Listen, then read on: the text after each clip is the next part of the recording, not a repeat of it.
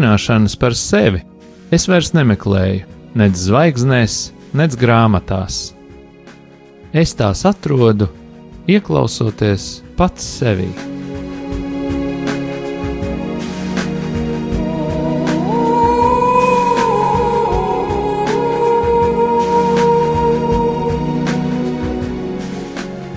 Raidījums Mīlestības terapija top mīlestības mājai, sadarbojoties ar profesionālo pastorālās konsultēšanas asociāciju. Sarunas par sevi, dzīvi, psiholoģiju un dvēseles terapiju.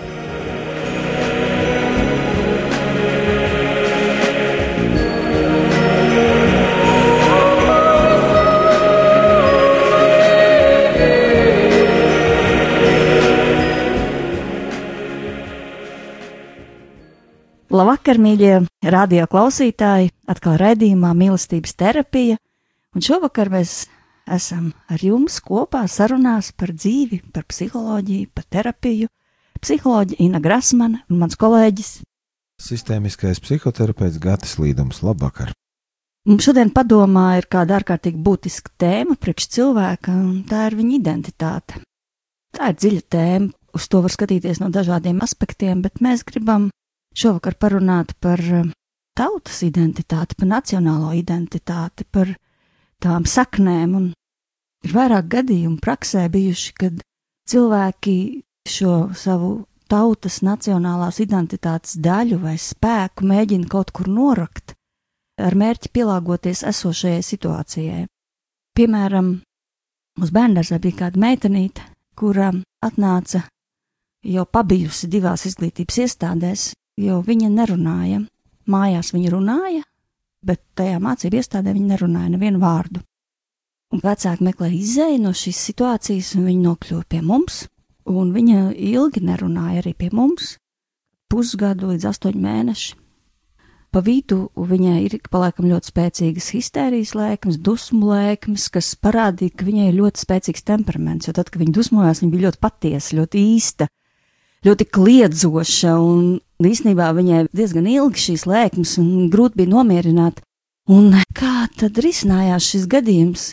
Šodien tas ir bērns, kas ir fantastiskas lietas dara, un runā, un strādā, un prezentē, un būvē. Izrādās šī meitenīte ir ar divējādām ļoti spēcīgām asinīm. Tātad no vienas puses krievu tautība, no otras puses dienvidnieku tautība, un pa vidu šis bērns starp mums latviešu tautības cilvēkiem, kas esam tādi klusi, kautrīgi, introverti, varbūt nosvērti, un viņa palika ļoti neapstiprināta šajās izglītības iestādēs tajā, kas viņa ir. Viņa ļoti noslēdzās, tāpēc, ka viņa nobijās būt tas, kas viņa ir. Bet, ja viņa nevar būt tas, kas viņa ir, tad ko viņai teikt piecgadīgam bērnam? Viņa apklusa. Viņa vienkārši vairs nerunāja. Un pie mums eh, mēs lietojam dažādus instrumentus un radītas metodas tieši bērnu tādai atvēršanai un apstiprināšanai tam, kas viņi ir, un ļaujam viņiem dažādi radoši izpausties un meklējam iespējas, kā pateikt viņiem vairāk no vairākām pusēm, ka tas ir eh, labi, ko tu dari, un tas ir lieliski, un mēs lepojamies ar tevi, un šī mētnīte soli pa solim noticēja, ka mums tiešām viņa patīk tāda, kāda viņa ir ar visu viņas temperamentu, ar visu viņas tādu ļoti ekstraverto raksturu, un viņa pēkšņi no klusās, pelēkās meitenītes kļuva ļoti spēcīga, līderiska, skaļa. Viņa runāja tik daudz, ka brīžam likās, ka jau par daudz, jau ir par grūti blakus būt, bet tas bija tik jauki, ka viņa runāja. Un, un šādi stāsti patiesībā man praksē ir vairāki cilvēki ar armēņu asinīm, kur mēģina apslāpēt savu armēnisko dabu un paliek tādi pelēki, tā kā nekas, un tad slimo ar visu kaut ko migrēnām, tā skaitā. Un cilvēki ar līdera potenciālu, kas vēl nodod šo savu daļu, un šis jautājums par identitāti ir jautājums patiesībā, kas tad es esmu patiesībā, tādā pilnībā. Jā, interesanti par to meitenīti, jo droši vien, ka tur var dažādi skatīties, un, un jūs jau arī paši ar viņu strādājot, to labāk zināt. Bet, ja mēs runājam par tām tā saucamajām asinīm, daļa tādas asins un ir daļa šādas asins, tad uh, man kaut kā vienmēr licies, nu, ne līdz galam pieņemami saistīt kaut kādas izcelsmes asinis ar temperamentu, un, nu, ja viņš ir no dienvidiem, tad viņš noteikti būs tur karstasinīgāks, jo tur saules vairāk un, un tā. Nu, kaut arī ja mēs paskatāmies Eiropas vēsturē, ja, tad pēdējo gadu laikā ir ārkārtīgi populārs uh, gan jauniešu, gan arī, teiksim tā, vēlīno jauniešu vidū, ja, seriāls Vikingi, Un uh, tad, nu, ja skatāmies tā, tad vikingi ir pavisam blondi, augstasiņu dzīvnieki no tālajiem ziemeļiem, ja, viņi bija tik duli, ka viņi nolika visu Eiropu uz ceļiem, ieskaitot Parīzi, Londonu, un vienkārši visi baidījās no vikingiem. Līdz ar to piesiet karstasinīgumu vai augstasinīgumu kaut kādai nu, izcelsmes vietai, manuprāt, tas nav gluži korekti. Ja mēs runājam par asinīm, nu, ir daļa tādas asins un ir daļa šādas asins, un es domāju, ka arī ir labi atcerēties, ka Visiem cilvēkiem asins ir sarkanā krāsā, vienalga, lai no kurienes viņi arī nāktu. Bet par temperamentiem jau, nu, ja mēs lietojam vārdu temperaments, man kaut kā vienmēr ir licies mazliet eh, priekš paša atbilstošāk raudzīties uz šīm lietām kā uz kultūru. Un kultūras mugurkauls vai kultūras vispār tā kā pildījums, tā ir komunikācija šī vārda vispilnākajā nozīmē. Komunikācija ne tikai runāšana, ja? nu, ne, runāšana ir maza daļa no komunikācijas. Un tā tad es droši vien teiktu, ka tas ir jautājums par cilvēku spēju vispirms ļoti skaidri izteikties savas kultūras valodā. Tas ir tāpat kā ar jebkuru valodu. Ja tu gribi iemācīties svešu valodu, tev ir pietiekami labi jāzina sava valoda, lai tu varētu izmantot vārnīcu. Ja tu nezini savā valodā dažus vārdus, tad kā gan tu pirmajā svešvalodā šos vārdus uzzināsi, ja tev nav atslēga, caur kuru vispār tur aiziet? Un šī gadījumā man liekas ļoti simpātisks arī tādas, nu jau tādas netik svaigas antropoloģijas teorijas par to, ka, ja mēs gribam cilvēkā ieaudzināt multikulturālismu, tad to nevar ieaudzināt nekādā gadījumā. Tā ir iemaņa, kuru viņš attīsta, bet viņš to vislabāk attīstīs tad, ja viņam pašos pamatos būs ļoti spēcīga savas kultūras identitātes apziņa. Un tad viņam būs instruments, caur kuru iemācīties tās citas, vai ne? Nu, tas, protams, ir mazliet pretēji tādam vairāk mūsdienīgam uzstādījumam, ka kultūra tas ir slikti, ka jau no mazotnes jārāvē ārā kaut kāda viena kultūra un jādod multikulturālisms, bet eh, tāpēc labi, ka tev ir sava kultūra. Un uh, kultūra tā vienmēr ir komunikācija. Kā mēs paziņojam to, ko mums vajag un kas mēs esam. Tajā ziņā kristieši ir ļoti spēcīgi par krūšu tiesu priekšā daudziem citiem. Kāpēc? Tāpēc, ka divas lietas no svētiem rakstiem. Pirmkārt, mēs esam uztaisīti dieva līdzjūtībā, jo dievs tā gribēja. Mēs esam līdzīgi dievam. Un otrs, viena no tā kā pirmajām vietām svētajos rakstos, kur dievs atklāja savu vārdu cilvēkiem, ir mūzuma pirms e, izrēliešu izvešanas no Eģiptes. Un tad Mozus saka, nu kas tad tu esi, kas tad mani sūta? Ko viņš atbild? Viņš saka, es esmu, kas es esmu. Lūk, tā ir spēcīga identitāte. Protams, tur arī Bībeles pētnieki lauž šķēpus par to, kāds laiks ir šai frāzē, vai tas nozīmē apsolījums uz nākotni, vai tas nozīmē fiksēts tagadējais stāvoklis. Nu, tas lai paliek teologiem. Bet ideja ir tāda, Tātad uh, Dievs, kurš ļoti skaidri zina, kas viņš ir, ir mūsu uztaisījis sev līdzīgus, un savā ziņā mēs varam teikt, iedevis tādu mandātu. Nu tad esi tas, kas tu esi, un beidz taisīt figūrus ar kaut kādām multi-identitātēm un kaut kādām lietām, kuras tu nemaz nepārvaldi, tiec skaidrībā ar to, kas tu esi. Un no tās vietas mēs varam sākt kaut ko darīt. Piemēram, ja tu zini, kas tu esi, tad tu vari arī iziet no Eģiptes uz bišķiņu labāku teritoriju. Tā nav slikta lieta.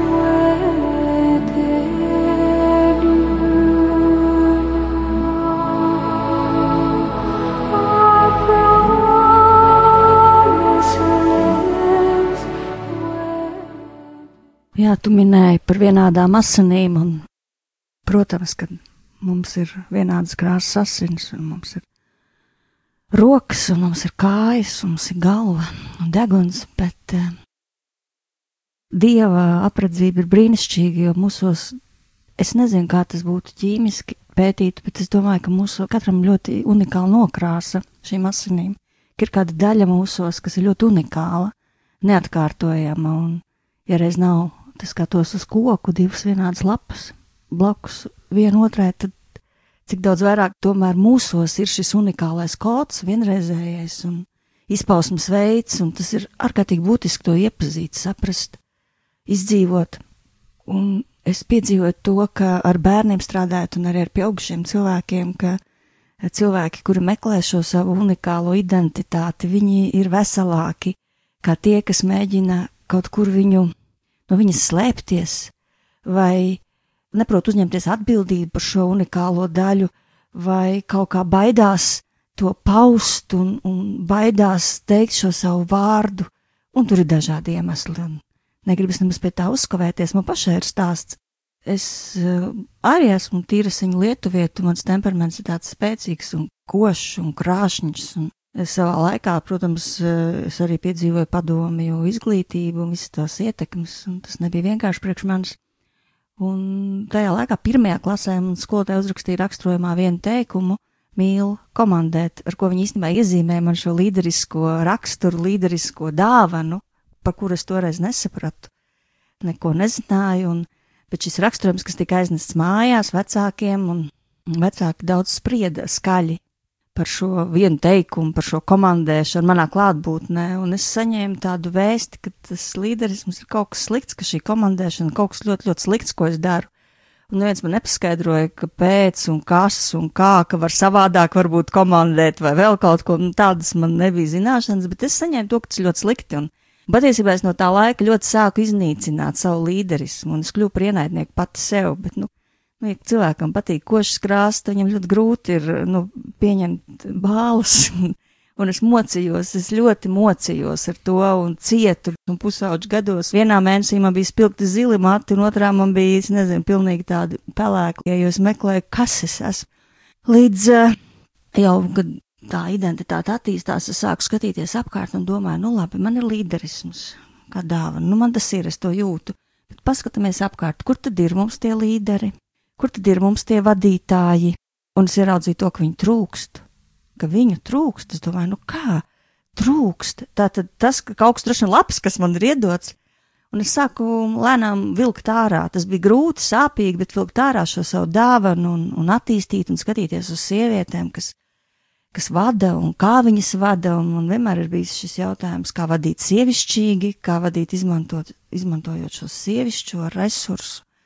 Un tas ir droši vien jautājums man līdz šai dienai, kā, kā to sabalansēt, kā palikt līdzsvarā ar savu, savu sievišķību, savu identitāti. Bet katrā ziņā šie meklējumi, un ka es ļāvu savai personībai iezīmēt šīs līderiskās krāsas uz šīs zemes, atstāt šos nospiedumus, tas man darīja veselāku, tas man dara laimīgāku, tas man iedvesmo, tas man iepriecina. Un, un es tiešām šodien esmu pārliecināta, ka līderim būt ir labi, ja tev tā dāvana ir iedota. Tā pašā laikā ir ļoti labi būt arī. Man ir brīnišķīgi cilvēki, kas iet man blakus, kā palīgi, bet viņiem nav šī līdera dāvana. Bet tas ir lieliski, ka viņi tur iet un priecājās par to, ka viņi var būt man blakus. Un tādēļ tas ir, nu, tā ir liela svētīga apzināties to savu dāvanu, kuru droši vien kaut kā iekrāso arī nacionalitāte, tā vieta, kur tu tās asinis, nu kādas asinis plūst tavās cīslās. Jo Man ļoti mīļa ir, teiksim, tā lietuviešu zeme, lai ko tur citi smējās, citi vēl ar zobu, bet man tik mīļa tā zeme, un es tiešām es tur aizbraucu, un es jūtu, ka tas ir mans mājas, kaut arī es tur neesmu dzimusi. Es esmu dzimusi Latvijā, bet es aizbraucu, es jūtu, tas ir mans mājas, tie ir mani ļaudis, tas ir kaut kas ļoti, ļoti man personiski tuvs, un tādēļ ir tik svarīgi, lai tu meklētu atbildi šo jautājumu, kas es esmu, arī paskatītos, kādas iekrāsas asinis tevī plūst, no kurienes viņas plūst no kādas tautības viņas plūst, no kādas zemes viņas plūst. Jā, nu ļoti forši īstenībā, ka tu pateici to, ko tu pateici, jo visas tās piecas minūtes, kuras tu tagad runāji, nu vai pieca pus, bija par to, es esmu tas, kas es esmu. Un nevis man ir katru nedēļu jākrāso, viena nedēļa ir spilgti mati, otra nedēļa ir pelēka mati, bet es esmu tas, kas es esmu. Man ir šitā. Un patiesībā, es klausoties tavu stāstu, es tā iedomājos, nezinu, kas būtu noticis toreiz, kad tu atnes mājās no skolas to raksturojumu, kur ir rakstīts patīk komandēt, un ja tev mamma un tētis arī tevi tā tad, nu, tur ļaujot tev būt klāt, ja viņi teikt, eju, tev patīk komandēt, klau, Nu, paskatāmies, kā tu varētu komandēt labāk. Nu, sākam strādāt ar šito, sākam attīstīt. Nu, tad tu esi komandiere, ah, aiziet, jā. Ja? Es nezinu, kā būtu bijis, bet es varu spekulēt, uzminēt un paredzēt, ka būtu bijis noteikti daudz, daudz labāk, un tu to savu potenciālu būtu daudz, daudz ātrāk attīstījusi. Un vēl ar vienu man tā kā mazliet gribās varbūt oponēt par to lietuvisko. Tas ir nevis tāpēc, ka tu esi lietuviet, bet tāpēc, ka tu tiki tādu uztaisīta. Tu tādu piedzimi, tev tādu izveidoja. Un vienkārši tev droši vien laicīgi neviens neatnāca un neteica, šī ir laba lieta. Tu esi, kas tu esi. Aha, tad mēs ar šo varam strādāt. Un tas ir komunikācijas jautājums. Jo komunikācija jau nav tas, ko mēs pasakām, bet komunikācija primāri ir tas, ko mēs saprotam. Un audzinātāji teica, viņai patīk komandēt, bet otrā galā kāds šo vēstījumu nolasīja kā kaut ko negatīvu. Kaut gan vēstījums jau bija neitrāls. Jo, lai nu kurā laikā, es domāju, bet, nu, principā, ja mēs paskatāmies tos padomu laikus, ja, tad komandieri jau visās filmās ir labie. Komandēt jau ir labi. Ja ceļš, ja mēs paskatāmies visu to, nu, labi, nevajag to darīt, ja, bet ja mēs esam tajā laikā auguši, visas padomju kino konvejera kara filmas, ja, labie vienmēr ir taču komandieri. Vienkārši otrā galā tas vēstījums tika interpretēts kā negatīvs. Nu jā, ko tad mēs darīsim, kā mēs šo apspiedīsim? Kā tā audzinātāja to domāja? Ej, tu sazini! Nu, labi, mēs varam uzminēt, ka viņi to domāja negatīvi. Bet vienalga, tas ir labs jautājums. Un tad, kā tā dzīve būtu izveidojusies, no, viņa būtu izveidojusies pavisam varbūt savādāk, vai arī notikusi daudz straujāk. Un tāpēc atkal es domāju, nu, tās divas lietas. Pirmkārt, komunikācija, kas ir kultūras mugurkauls, un otrkārt, nu, es esmu tas, kas es esmu. Man lūk, ir šādi. Un tas nav trūkums, bet tā ir mana īpatnība, tā ir mana priekšrocība, ka man ir šādi. Un, ja tā mēs skatāmies uz to, es domāju, ka to identitāti arī var tā ļoti labi savākt. Tad viņa ir tāda saprotama. Jo cilvēkam būt tam, kas viņš ir, nav grūti. Tas ir dabiski viegli. Un tad ir jautājums par kultūru, ko tie citi apkārt tur dara, lai vai nu to attīstītu, vai nu to nosmacētu. Un tad, protams, mēs varam arī runāt nu, par to mūsu kultūru, to negatīvo bagāžu, kas nu, mums tur ir tajos 50 gados, ka, protams, kultūra bija to laiku virzīt uz to, kurš nerunā, ka nav nepatikšanas, kāds dzirdēs, ko tu saki, pateiks kādam, kuram tas nav jāzina, mums visai ģimenei būs slikti. Tagad vai nu runāsim tikai pareizi, vai nu nerunāsim nemaz. Kā rezultātā vairāku desmit gadu garumā tika kultivēts šādi te kurš To, kas ir pa īstam, nedrīkst teikt. Drīkst teikt tā, kā vajag teikt.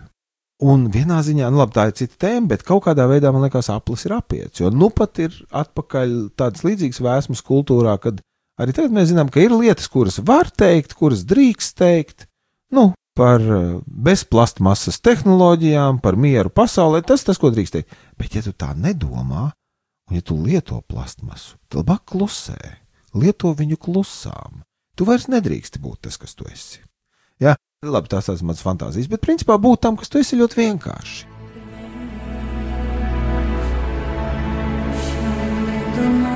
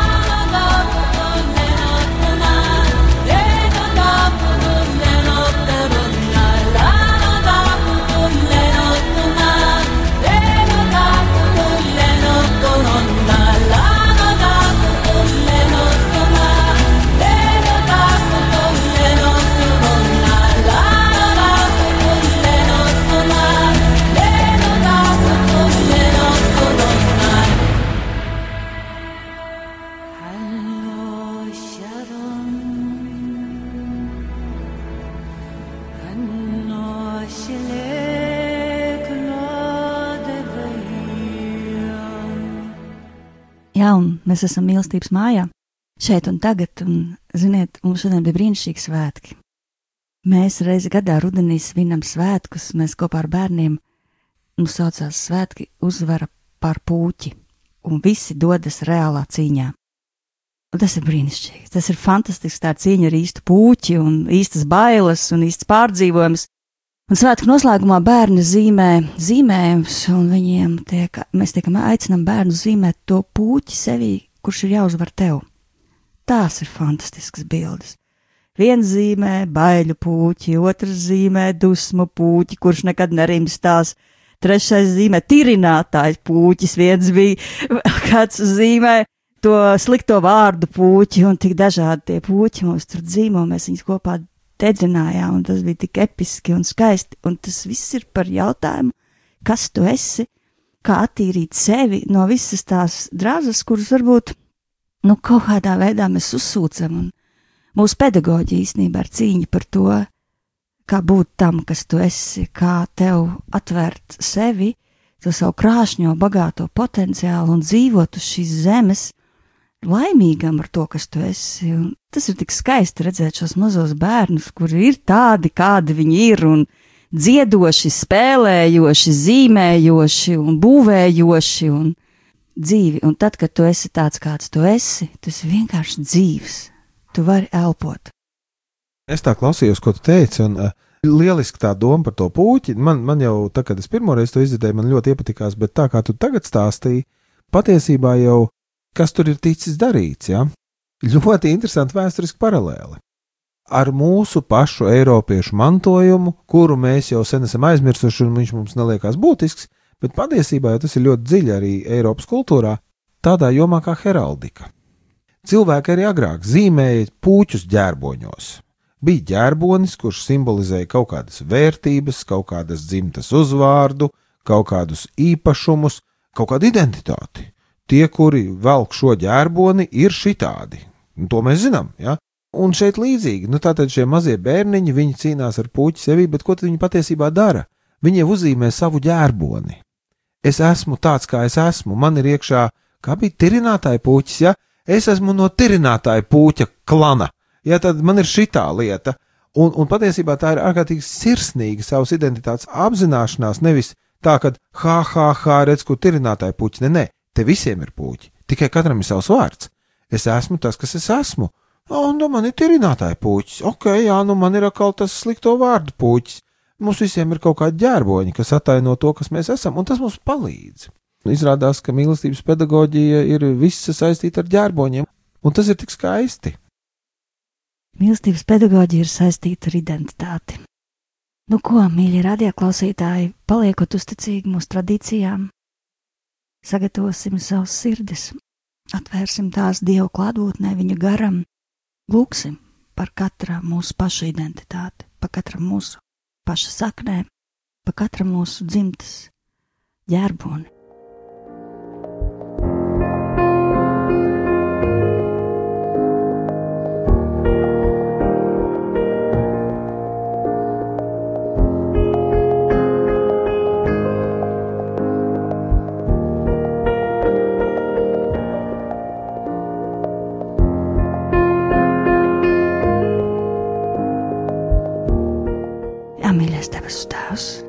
Nākam tavā priekšā un lūdzam, lai tavs gars ienāk mūsos, un lai tavs svētais gars izgaismo visu to, kas ir mūsos iekšā.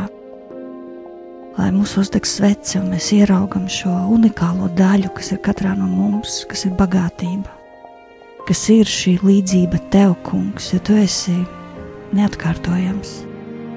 Tātad šī neatkārtojamā vienreizējā daļa ir katrā no mums un es tev slavēju un pateicos par to, kungs, ka mēs katrs esam tas, kas mēs esam. Un kad atrodot šo kodolu, es esmu tas, kas es esmu, mēs varam kļūt laimīgi.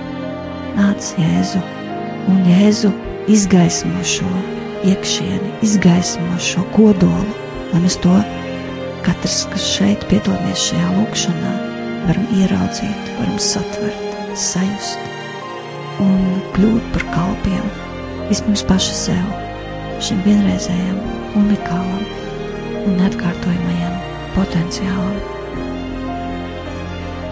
Jā, palīdz mums būt tiem, kas mēs pa īstam esam. Jo tikai pa īstam esot tie, kas mēs esam, mēs varam arī cerēt, saprast, kas tu esi un kā tu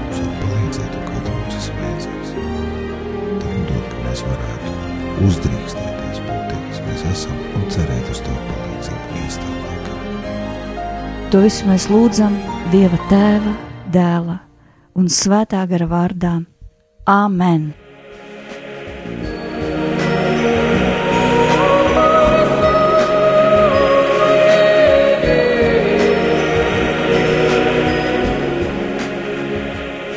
Jūs klausījāties raidījumu mīlestības terapija.